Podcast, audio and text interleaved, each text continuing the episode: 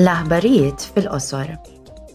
Il-ġimgħa li għaddiet waqt is-sessjoni plenarja l-Parlament reaġixxa għal allegazzjonijiet riċenti ta' korruzzjoni, bidliet immedjati u talbiet għal miżuri biex jingħalqu l-lakuni fir-regoli eżistenti ta' trasparenza. Bħala miżura immedjata l-membri tal-Parlament Ewropew iddeċidew li jissospendu x-xogħol kollu dwar fajls leġiżlattivi relatati mal-Qatar. Huma talbu wkoll li jiġi stabbilit kumitat ta' inkjesta biex jinvestiga każijiet ta' korruzzjoni minn pajjiżi terzi u kumitat speċjali dwar it-trasparenza. Il-Parlament appella wkoll għal projbizzjoni fil-livell tal-Unjoni Ewropea ta' donazzjonijiet minn pajjiżi terzi lil membri tal-Parlament Ewropew u partiti politiċi.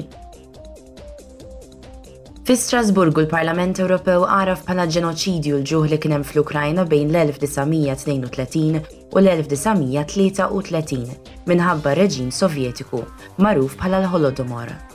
Il-membri tal-Parlament Ewropew kundannaw dawn l-atti bil-qawwa billi riżultaw fil-mew ta' miljuni ta' Ukreni u appellaw lil pajjiż l-organizzazzjonijiet kollha biex ukoll jarfu l-Holodomor bħala ġenoċidju. Ir-riżoluzzjoni takkuża lir-reġim Russu ta' bħalissa li kiser is-sovranità u l-integrità territorjali tal-Ukrajna, li fittex li jeqridha bħala stat-nazzjon u jeqred l-identità u l-kultura tal-poplu tagħha. Ir-regoli tal-ażil.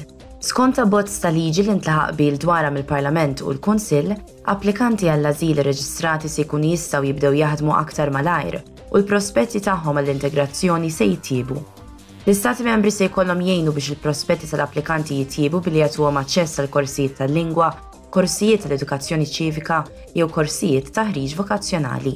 Il-minuri mhux akkumpanjati se jkollhom kustodju u t-tfal kollha li jkunu qed ifittxu l-ażil għandhom imorru l-iskola.